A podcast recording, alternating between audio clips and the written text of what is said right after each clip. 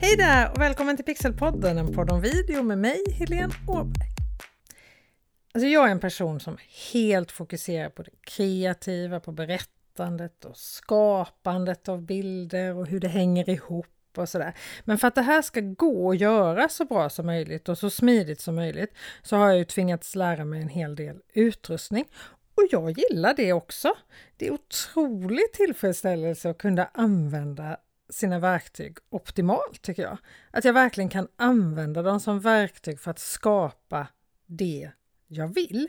Så därför så gillar jag ju att grotta in mig i olika kameror, redigeringsappar och livestreamingprogram och se vad man kan göra och inte göra och sånt.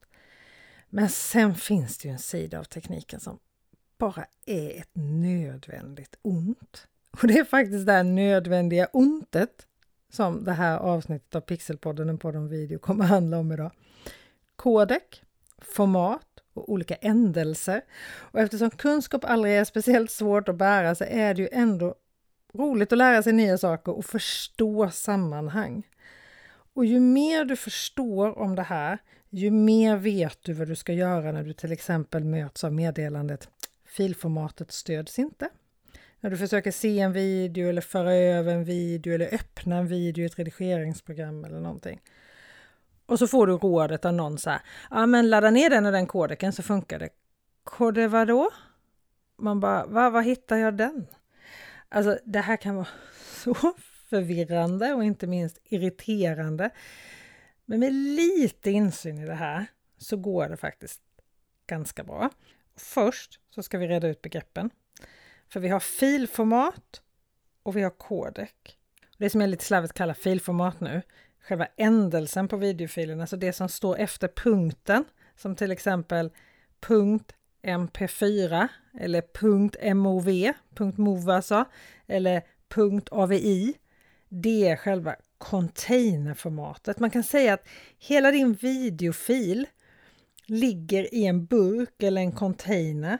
Bilden ligger där, ljudet ligger där, undertexter, metadata som titel och så vidare. Allt ligger i samma container.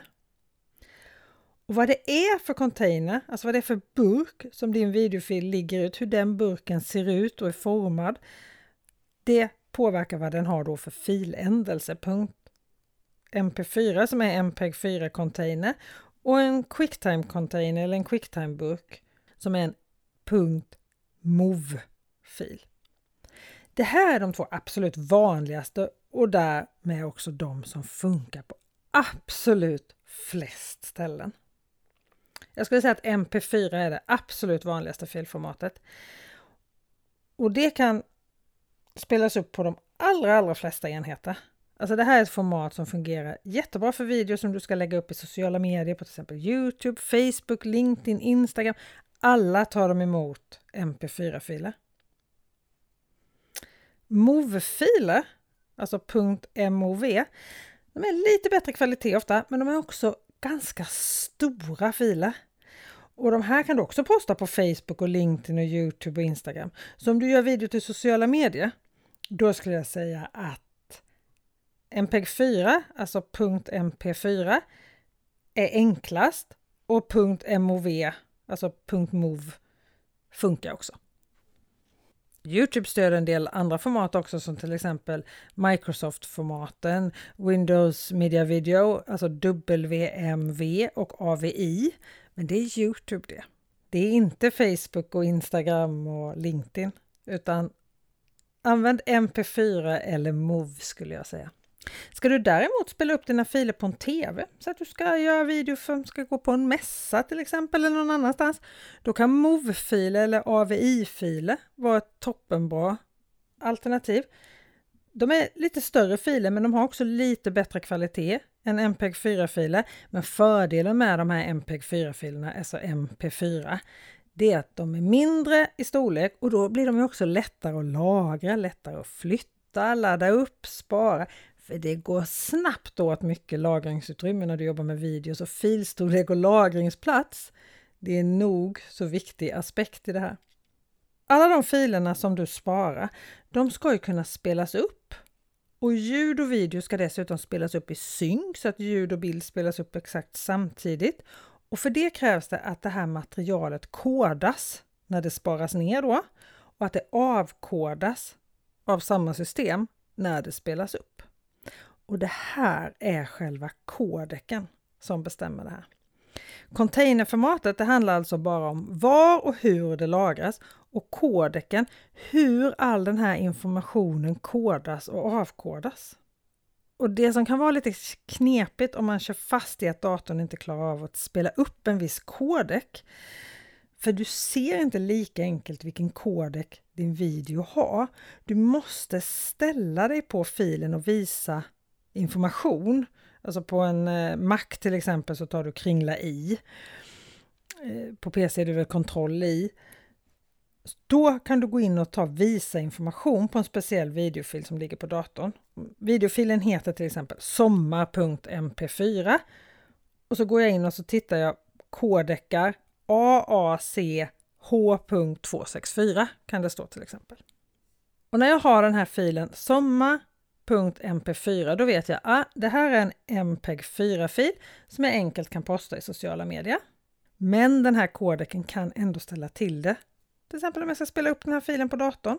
Alltså våra datorer klarar av att läsa flera olika kodeker, De allra flesta datorer i alla fall. Men om du får det där envetna meddelandet, filformatet stöds inte, så finns det program som funkar på både Mac och på PC som du kan installera som gör att du kan se i stort sett alla kodekar skulle jag säga. Nej, inte alla, men väldigt, väldigt, väldigt många. VLC är ett sådant program som har räddat mig många gånger som du kan ladda ner till din dator.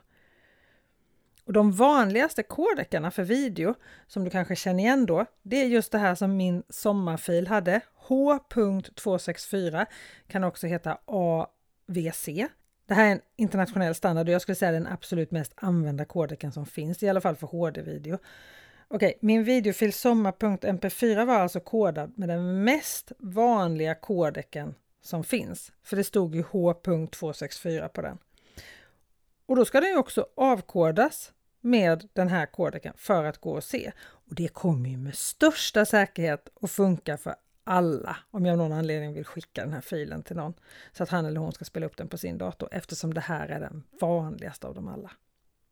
En annan vanlig kodek är Apple ProRes. Många professionella redigerare använder det här eftersom mycket redigering och annan efterbearbetning på professionell nivå görs på Apple-datorer idag. Men den kan ju då vara lite vanskligare för att det är just i Apple-miljön. Sen har ljudet en annan kodek. Min sommarfil där, sommar.mp4, den hade ju H.264 och sen stod det ju AAC. Och AAC, det är också standard. Det är en standardkodek för ljudet. Så min video sommar har alltså vanlig videokodning och vanlig ljudkodning. Skönt! Och om du redigerar ett mer avancerat redigeringsprogram som Premiere Pro eller till exempel gratisprogrammet DaVinci Resolve som ändå är otroligt avancerat även om det är gratis så kan du alltså exportera dina videos i olika kodek. Och då är det ju bra att känna till det här lite grann och inte bara chansa vilt, eller hur? För då kan du ju chansa till någonting som gör att ingen faktiskt kan se din video sen. Ja, mycket svårare än så här är det inte med den här nödvändigt ont-kunskapen. Vill man så kan man förstås grotta ner sig mycket mer än så här i det här. Och det finns många olika kodekar, många olika filformat. Och vilket som är bäst, det råder det ju alltid delade meningar om. Jag personligen använder alltid just det här formatet som det var på min fil sommar.mp4 med kodek AAC för ljudet och H264 om jag redigerar video till till exempel sociala medier, Youtube, Vimeo eller till exempel videolektionerna i mina webbutbildningar, kommunicera med video i sociala medier eller lyckas med live i webbinar är redigerade med just den här kodeken. Men du ska ju förstås välja filformat utefter de krav på kvalitet och kompatibilitet, heter det så? Kompatibilitet, kompatibilitet där du ska använda din video. Det är onödigt att videon har högre kvalitet än vad som krävs. För som jag sa, det blir snabbt stora filer och både du och mottagaren ska ju kunna hantera de här filerna också. Filmer med bra kvalitet är ju kul och härligt, men de tar också lång tid att ladda ner, kan behöva konverteras för att bli kompatibla med olika videospelare och så här. Och är filen stor då, ja då tar det tid. Och det tar också tid att dela en stor fil. De blir helt enkelt svårare att hantera. Men det absolut viktigaste, det är ju ändå var ska din video visas? Kan webbläsaren, programmet eller plattformen visa det videoformatet och den kodeken som du väljer? Lycka till så hörs vi igen nästa vecka. Ha det så bra till dess. Hej då!